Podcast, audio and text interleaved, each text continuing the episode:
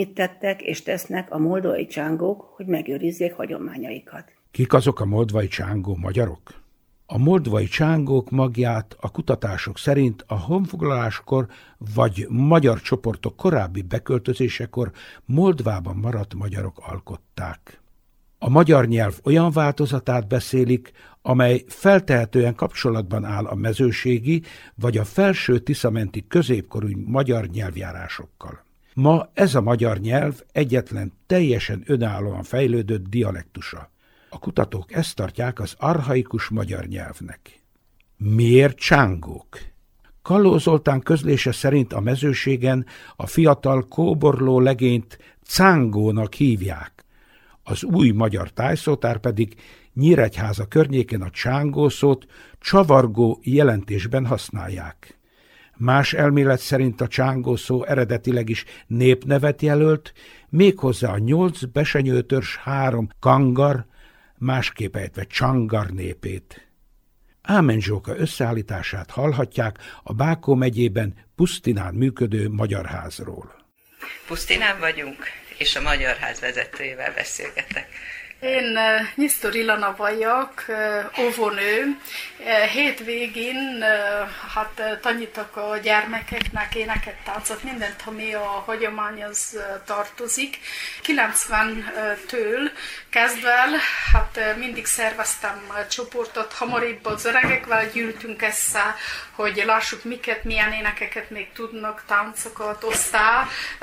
Létrejött egy fiatal tánccsoport, és akkor akkor énekelni, és tanítottam őket. Évről évre hát tanultunk az udvarokon is, önkéntesek voltak, egyetemisták, akik jöttek Magyarországról, tanítani a gyerekeket írni, olvasni magyarul, már münk csak beszélgetni tudjuk a nyelvet, a 2000-től hivatalosan beindult a nálunk es, hamarébb két faluban, mint Pusztinába, Klézsébe.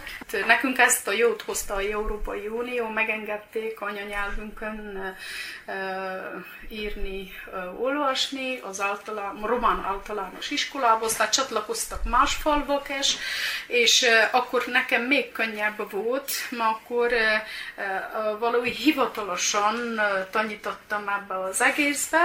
A 2006-ban sikerült elindítani, felépíteni a Magyar Házat, a 2007-től, szeptembertől már itten tevékenykedünk, akkor abban az időben felkértek engemet, hogy lejek a házvezetője, aztán létrehoztunk a Pusztinai Házi Egyesületet, amelyiknek én az alelnöke vagyok, így itten zajlanak a magyar anyanyelvi oktatások, programok, nagyon örvendünk, hogy van hova eszegyüljünk, ha hideg van, ha esik az eső, és nem a házoknál.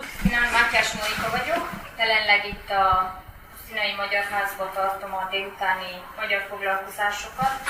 Nálunk Pusztinán az 1950-es években volt magyar tannyelvű iskola, sajnos ez viszonylag rövid idő alatt megszűnt, körülbelül 7-8 évig működött, és a 90-es évekig már nem nagyon volt magyar oktatás a faluban. Akkor még csak nyáron volt inkább magyar oktatás, nyári szünetben. Volt, hogy önkéntesek jöttek hát Magyarországról is, de olyanok is tanítottak, akik falusiak, falubeliek voltak, külföldön tanultak, vagy Magyarországon tanultak tovább, és a nyári szünettel itthon a gyermekekkel foglalkoztak. 2000-ben elindult a iskolán kívüli oktatás, akkor, akkor is még csak hétvégenként az akkori tanárok Bilibok Jenő és Mr. Voltak. Bilibok Jenő tanította a magyar nyelvet, és Ilona néni az énekeket, táncokat. Akkor én éppen még katolikus voltam. Bekapcsolódtam ebbe a magyar oktatási programba, akkor még tanulóként. A két év elteltével 2002-ben sikerült bevezetni az iskolába is a magyar órákat, és elindult az iskolába és a magyar óra, akkor még csak sajnos nulladik órában, tehát 7 8 tanulhatták a gyermekek a magyart. Most már 2016-ban azt tapasztaljuk, hogy a kollégák is teljesen elfogadták, nem látnak benne semmi rosszat.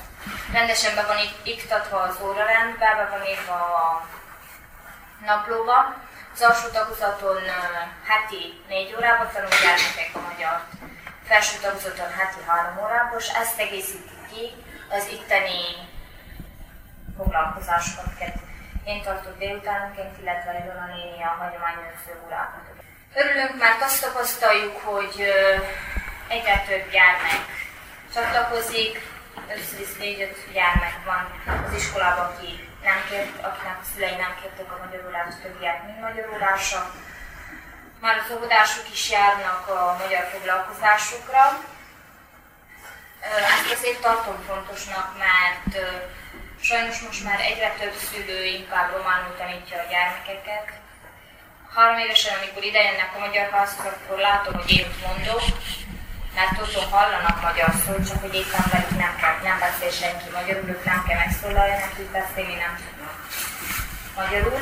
Mire bekerülnek az iskolába, úgy érzem, hogy könnyebb a tanárnak is a dolga, meg a tanulónak is, hogyha már három évig járt magyar foglalkozásra. A szülők is most már egyre jobban pártolják ezt az egész programot, fontosnak tartják, ők is eljönnek az összes programunkra, feltázas ünnepségeink vannak.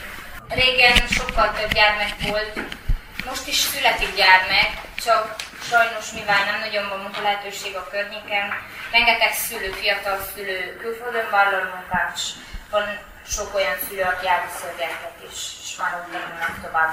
Mátyás Mónikával beszélgetek. Ki is ön valójában? Én itt a Pusztinai Magyar Házban vagyok a magyar tanár.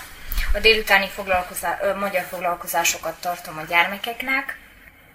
2014-ben végeztem Egerbe az Eszterházi Károly főiskolán énekzenei tanári szakon, és azóta tanítok, ahogy ott befejeztem a főiskolát, rögtön hazajöttem, és azóta tanítok itthon.